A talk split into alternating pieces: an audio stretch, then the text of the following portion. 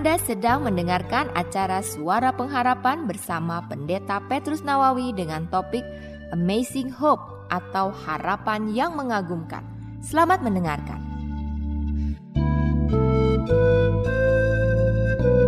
Mari kita membuka Alkitab kita, kita membaca Lukas pasal yang pertama, ayat yang ke-46 sampai dengan ayat yang ke-55.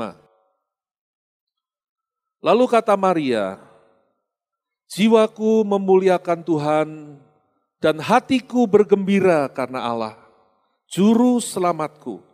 Sebab ia telah memperhatikan kerendahan hambanya. Sesungguhnya mulai dari sekarang, segala keturunan akan menyebut aku berbahagia. Karena yang maha kuasa telah melakukan perbuatan-perbuatan besar kepadaku dan namanya adalah kudus. Dan rahmatnya turun-temurun atas orang-orang yang takut akan dia. Rahmatnya, mercy, his mercy. Ia memperlihatkan kuasanya dengan perbuatan tangannya dan mencerai-beraikan orang-orang yang congkak hatinya. Ia menurunkan orang-orang yang berkuasa dari tahtanya dan meninggikan orang-orang yang rendah. Ia melimpahkan segala yang baik kepada orang yang lapar dan menyuruh orang yang kaya pergi dengan tangan hampa. Ia menolong Israel hambanya karena ia mengingat rahmatnya seperti yang dijanjikannya kepada nenek moyang kita, kepada Abraham dan keturunannya untuk selama-lamanya. Saudara berita tentang Natal adalah berita tentang Tuhan yang penuh dengan rahmatnya. Tuhan yang melimpah dengan rahmatnya. Rahmat atau mercy. Saudara Tuhan kita adalah Tuhan yang melimpah di dalam rahmatnya. Dan itulah yang menjadi nyanyian dari Maria ketika ia mendengar apa yang akan terjadi atas dirinya. Ketika ia mendengar malaikat menyampaikan berita bahwa ia akan mengandung bayi Yesus. Pada waktu itu dikatakan dia menyanyi, dia bersyukur, dia memuji Tuhan. Dia katakan jiwaku memuliakan Tuhan. Ia memuliakan Tuhan karena apa? Dikatakan karena rahmatnya. Rahmatnya yang besar, His mercy. Dikatakan rahmatnya yang turun-temurun from generation to generation. Bahkan dikatakan rahmatnya itulah yang juga melepaskan orang-orang Israel. Karena Tuhan teringat akan rahmatnya atas umatnya. Saudara Tuhan kita adalah Tuhan yang melimpah dan penuh dengan rahmat. Penuh dengan mercy. Apa artinya rahmat saudara? Kalau kita melihat kepada Alkitab, saudara rahmat di sini menggunakan kata eleos atau mercy yang artinya adalah compassion or kindness, belas kasihan atau kebaikan terhadap orang-orang yang sengsara dan menderita. Itulah rahmat.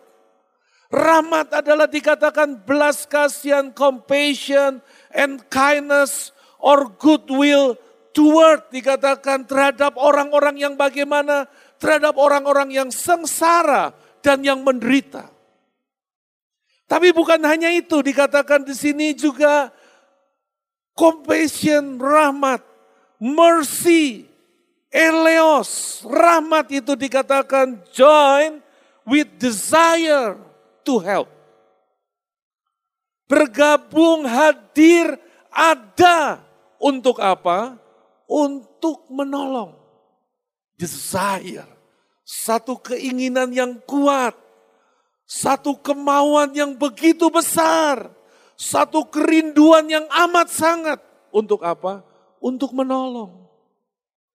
Waktu saya membaca ini, saya teringat sebuah lagu.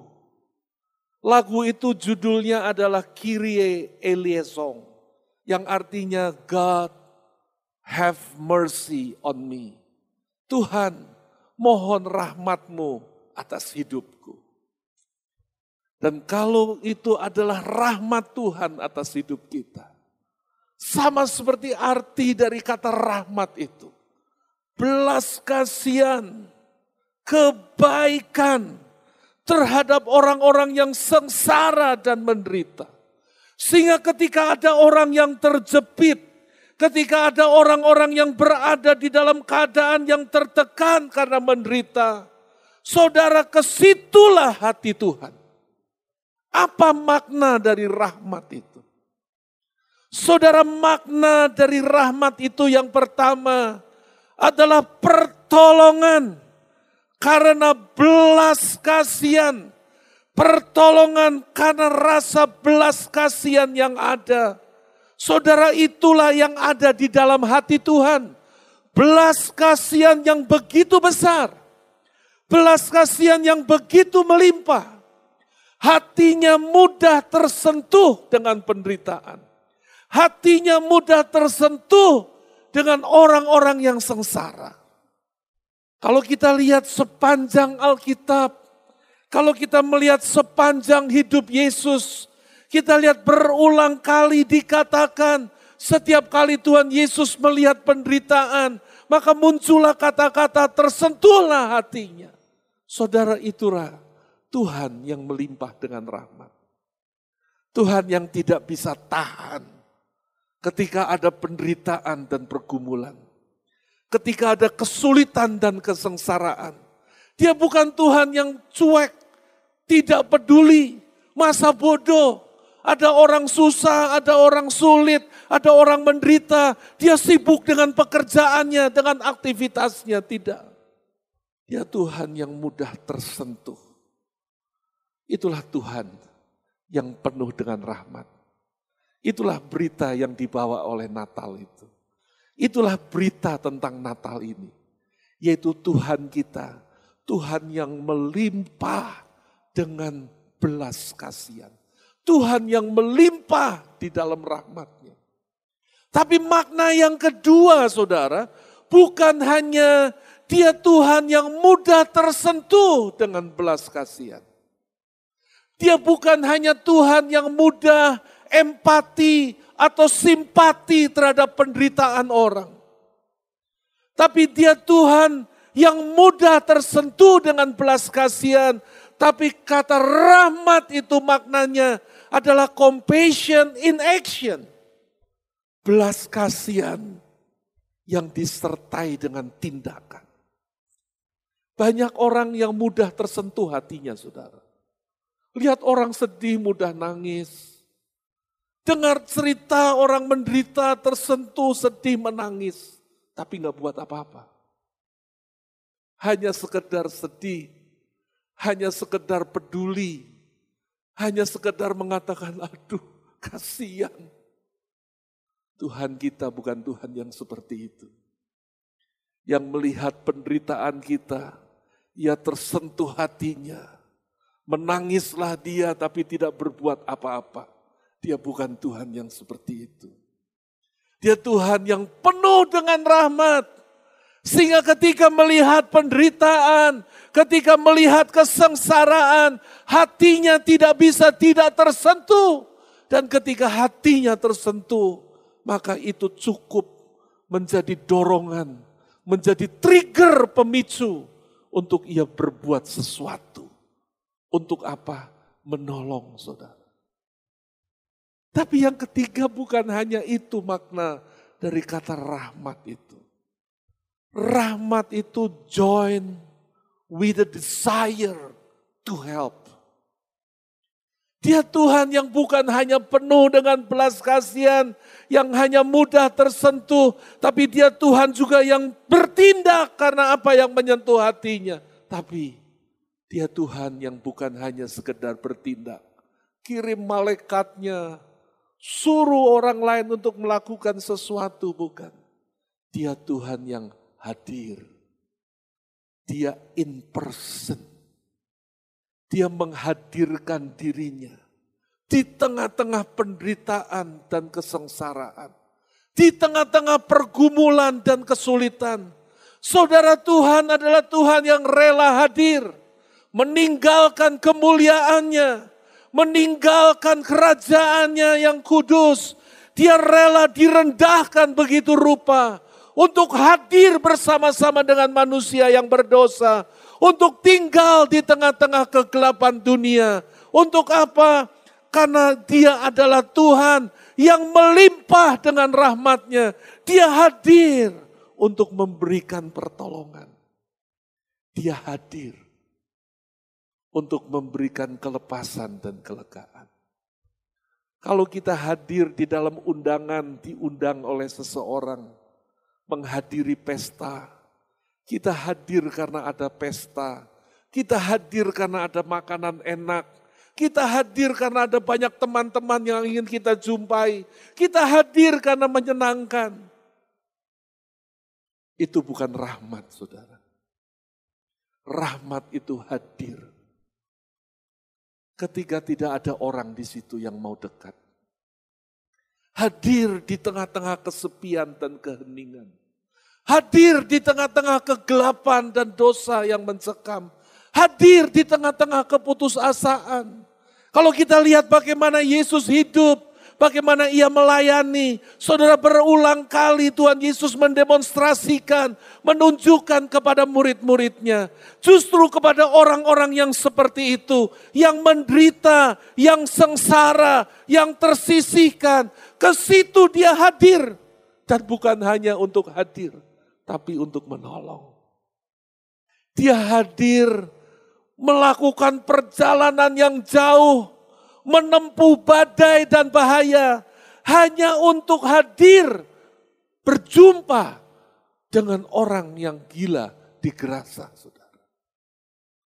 Orang yang sudah begitu gila dan disingkirkan oleh orang dan dianggap tidak layak untuk ada di kota, ditaruh di pinggir kota, ditaruh di kuburan, dirantai di situ, dianggap sudah bukan manusia. Di tempat yang paling gelap di tempat yang paling tidak diinginkan, di tempat yang paling sunyi dan sepi, di situ Tuhan hadir. Itulah Tuhan yang melimpah dengan rahmat saudara. Kalau kita sedang dalam pergumulan kita, sedang di dalam kesulitan dan penderitaan yang dialami, dan sepertinya semua orang meninggalkan kita, sepertinya semua orang melupakan kita, Sepertinya bahkan semua orang menyisihkan kita. Kita berada sendirian. Kita tidak pernah sendiri. Karena Tuhan kita Tuhan yang penuh dengan rahmatnya. Karena ia Tuhan yang penuh dengan rahmat. Ia tidak bisa tahan dengan penderitaan. Karena ia Tuhan yang penuh dengan rahmat. Hatinya bukan saja peduli dan mudah tersentuh tapi itu membuatnya bertindak. Tapi itu bukan hanya membuatnya ia bertindak suruh sana suruh sini, kirim malaikat kerjakan dengan mujizat jarak jauh. Eh zaman sekarang pakai remote bisa. Tidak. Dia hadirkan dirinya sendiri di tengah-tengah kehidupan manusia yang memerlukan pertolongannya. Saudara, itulah Tuhan kita yang penuh dengan rahmat. Itulah nyanyian yang disampaikan oleh Maria. Yang dia katakan, your mercy from generation to generation. Dikatakan rahmatmu dari generasi kepada generasi. Melimpah, tidak pernah habis saudara. Rahmat Tuhan cukup untuk kita. Tapi rahmat Tuhan cukup untuk anak-anak kita rahmat Tuhan cukup untuk anak cucu kita. Rahmat Tuhan melimpah, tidak ada habisnya. Kalau kita hidup di dalam rahmatnya, apa yang akan kita alami dalam hidup kita? Kalau kita hidup di dalam rahmatnya saudara, maka kita akan memiliki masa depan yang baru. Hidup di dalam rahmatnya, menyebabkan kita menemukan masa depan yang baru. Dan itu adalah masa depan yang baik, masa depan yang cerah bagi hidup kita. Maria menyanyikan Tuhan yang melimpah di dalam rahmatnya. Ketika ia mendengar berita yang dibawa malaikat. Saudara peristiwa yang dialami oleh Maria merubah seluruh masa depannya. Merubah seluruh hidupnya. Dari seorang wanita yang biasa, yang tidak dikenal. Dikatakan dia menjadi wanita yang paling berbahagia di dunia ini.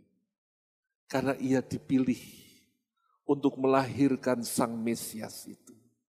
Ia dipilih untuk melahirkan bayi Yesus. Saudara kalau kita hidup di dalam rahmatnya, maka kita hidup kita akan terus menerus mengalami keadaan yang terus menerus berhadapan dengan hari depan yang terus menerus baik, yang terus menerus baik, yang terus menerus baik. The best is yet to come yang terbaik itu masih nunggu kita di depan. Yang terbaik masih belum datang. Sekalipun keadaannya sekarang sudah baik, the best is yet to come. Yang lebih baik daripada itu menantikan kita. Sekarang sudah lebih baik, the best is yet to come. Yang lebih baik lagi daripada ini sedang menunggu kita. Saudara rahmat Tuhan begitu besar menyebabkan hidup kita terus menerus memiliki masa depan yang baik dan cerah. Kalau kita hidup di dalam rahmatnya saudara, maka yang kedua, bukan hanya kita memiliki hari depan yang terus menerus baik. Tapi kalau kita hidup di dalam limpahan rahmatnya yang tiada habisnya di dalam hidup kita maka kita akan hidup di dalam kuasanya. Hidup di dalam kuasanya yang tidak bisa dibatasi oleh apa pun juga. Bagi Maria melahirkan seorang bayi sebelum ia menikah, sebelum ia bersuami, sebelum ada sentuhan fisik, sebelum ada proses biologis terjadi, saudara melahir, mengandung dan melahirkan sebelum semua hal itu terjadi. Itu betul-betul tidak masuk akal. Itu betul-betul di luar batasan-batasan yang ada. Itu betul-betul menerobos seluruh keterbatasan. Ya, betul saudara. Kalau kuasa Tuhan itu bekerja, ia bekerja menerobos semua batasan yang ada. Batasan apa yang saudara hadapi hari-hari ini? Keterbatasan dalam hal apa yang saudara hadapi hari-hari ini? Kalau kita hidup dalam rahmatnya, rahmat Tuhan melimpah atas hidup kita. Maka jangan takut. Kuasanya mampu bekerja menerobos semua keterbatasan yang ada. Saudara kalau kita hidup di dalam rahmatnya, Tuhan adalah Tuhan yang melimpah dengan rahmat. Dan Tuhan yang melimpah dengan rahmat di dalam hidup kita itulah dikatakan di situ tadi di ayat yang kita baca. Dia Tuhan yang meninggikan dan dia juga Tuhan yang merendahkan orang. Dia Tuhan yang bisa membuat raja atau orang yang kaya tangannya hampa kosong tidak memegang sesuatu. Tapi orang yang berkekurangan tangannya penuh berlimpah-limpah. Orang yang tinggi kedudukannya bisa direndahkan. Orang yang rendah tidak berharga bisa ditinggikan. Itu adalah rahmatnya saudara hidup dalam rahmatnya menyadarkan kepada kita bahwa Tuhan mampu mengangkat dan merendahkan orang pada waktunya. Sehingga kalau kita menyadari rahmat Tuhan atas hidup kita, kita hidup di dalam keadaan yang mawas diri. Hidup dalam sikap hati yang baik. Kalau kita sedang ditinggikan, kita tahu bahwa ini bukan karena saya. Tapi kalau kita sedang berada di jurang yang paling dalam, kita pun tidak menyesali dan mengutuki. Tapi kita mengatakan pada waktunya Tuhan akan meninggikan. Tidak berusaha untuk meninggikan diri dan mencari peninggian bagi diri sendiri. Dikatakan rahmatnya dari generasi kepada generasi. Karena ingat kepada rahmatnya, Tuhan membebaskan orang-orang Israel. Simpulannya hidup dalam rahmatnya. Membuat hidup kita berada di dalam kemenangan yang terus-menerus di dalam hidup ini. Nah saudara kalau kita berbicara tentang rahmatnya, bagaimana kita hidup di dalam rahmat Tuhan? Di Lukas pasal yang pertama ayat yang ke-50 tadi dikatakan, dan rahmatnya turun temurun atas orang yang takut akan dia. Saudara dia Tuhan yang penuh dengan rahmat itu satu hal. Tetapi kita hidup dalam rahmat Tuhan yang melimpah. Itu hal yang berikutnya. Bukan berarti kalau Tuhan penuh dengan rahmat, otomatis hidup kita akan melimpah dengan rahmatnya. Karena Alkitab mengatakan, dan rahmatnya turun temurun atas orang-orang yang takut akan dia. Kalau kita ingin terus hidup dalam rahmatnya, yang tiada henti-hentinya, saudara hiduplah dalam takut kepada Tuhan. Takut kepada Tuhan karena kita mengasihi Tuhan. Takut kepada Tuhan karena kita respect, karena kita hormat kepada Dia. Takut kepada Tuhan karena kita hidup di dalam ketaatan kita kepada Tuhan. Bukan rasa takut yang negatif, tapi rasa takut yang positif. Rasa takut karena kita mengasihi, menghormati, dan taat kepada Tuhan. Tapi juga kalau kita baca di Matius pasal yang kelima, di ayat yang ketujuh, tentang khotbah di bukit, dikatakan berbahagialah orang yang murah hatinya, karena mereka akan beroleh kemurahan. Kapan kita beroleh kemurahan? Di sini diterjemahkan juga mercy. Karena dikatakan, blessed are the merciful, for they will be shown mercy. Berbahagialah orang yang murah hatinya, karena ia akan hidup, karena ia akan mengalami kemurahan itu. Saudara, kalau kita tahu Tuhan kita adalah Tuhan yang penuh dengan rahmat, dan rahmatnya tiada henti-hentinya dan tiada habis-habisnya di dalam hidup kita.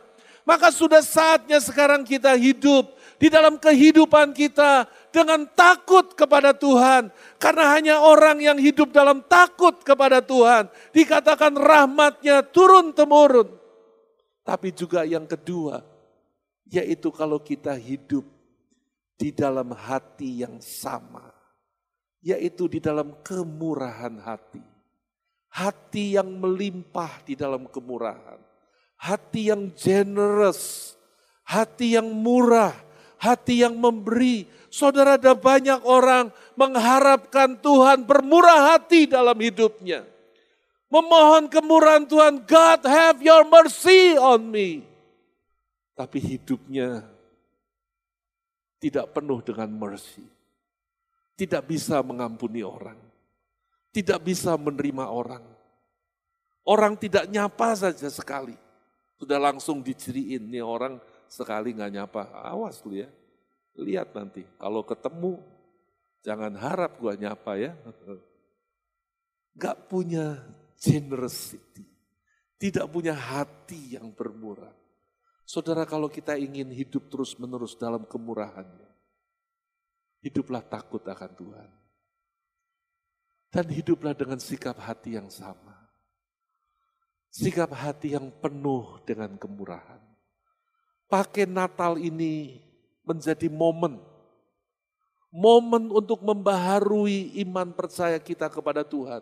Di dalam takut kita kepada Tuhan. Jadikan Natal ini momen yang baru. Untuk kita menunjukkan kemurahan hati kita kalau selama sepanjang tahun ini kita memendam kebencian, amarah, sakit hati, permusuhan, dendam dengan orang-orang tertentu. Saudara jadikan masa ini, momen ini, Natal ini. Natal untuk membebaskan dirimu, membebaskan diri saudara sendiri dari semua ikatan itu. Supaya engkau memiliki hati yang murah, disapa orang syukur, nggak disapa yang nggak apa-apa. Dihargai orang puji Tuhan, nggak dihargai nggak apa-apa. Tidak perlu hidup dengan memendam berbagai macam kebencian di dalam hati kita. Ingat kita memerlukan kemurahan Tuhan. Ada banyak hal kita terjepit, terpojok. Ada banyak hal yang menekan hidup kita, yang kita tahu kita tidak berdaya mengatasinya sendiri. Dan kita bisa berseru kepada Tuhan, God have your mercy on me. Dan biar mercy itu mengalir atas hidup kita. Karena sikap hati kita. Saudara Tuhan yang melimpah di dalam rahmatnya itu. Dari mana sumber rahmat Tuhan yang begitu hebatnya? Saya ingin menutup dengan ayat ratapan 3 ayat 22 dan 23 yang dikatakan tak berkesudahan kasih setia Tuhan. Tak habis-habisnya rahmatnya, selalu baru setiap pagi. Besar kesetiaanmu. Saudara rahmatnya bersumber dari kebaikan Tuhan yang tiada hentinya. Tapi juga bersumber dari kesetiaan Tuhan kepada kita yang juga tidak ada batasnya. Itulah yang menjadi jaminan bagi kita untuk kita terus hidup di dalam rahmatnya yang terus menerus, yang tiada henti dan tiada batasnya untuk setiap kita.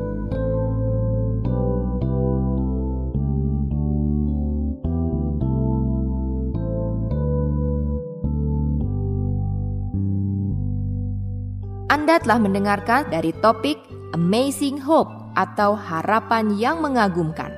Pekan yang akan datang, Pendeta Petrus Nawawi akan melanjutkan topik tersebut pada hari, jam, dan gelombang radio yang sama. Pastikan Anda mengikutinya. Sampai jumpa pada pekan yang akan datang. Tuhan memberkati.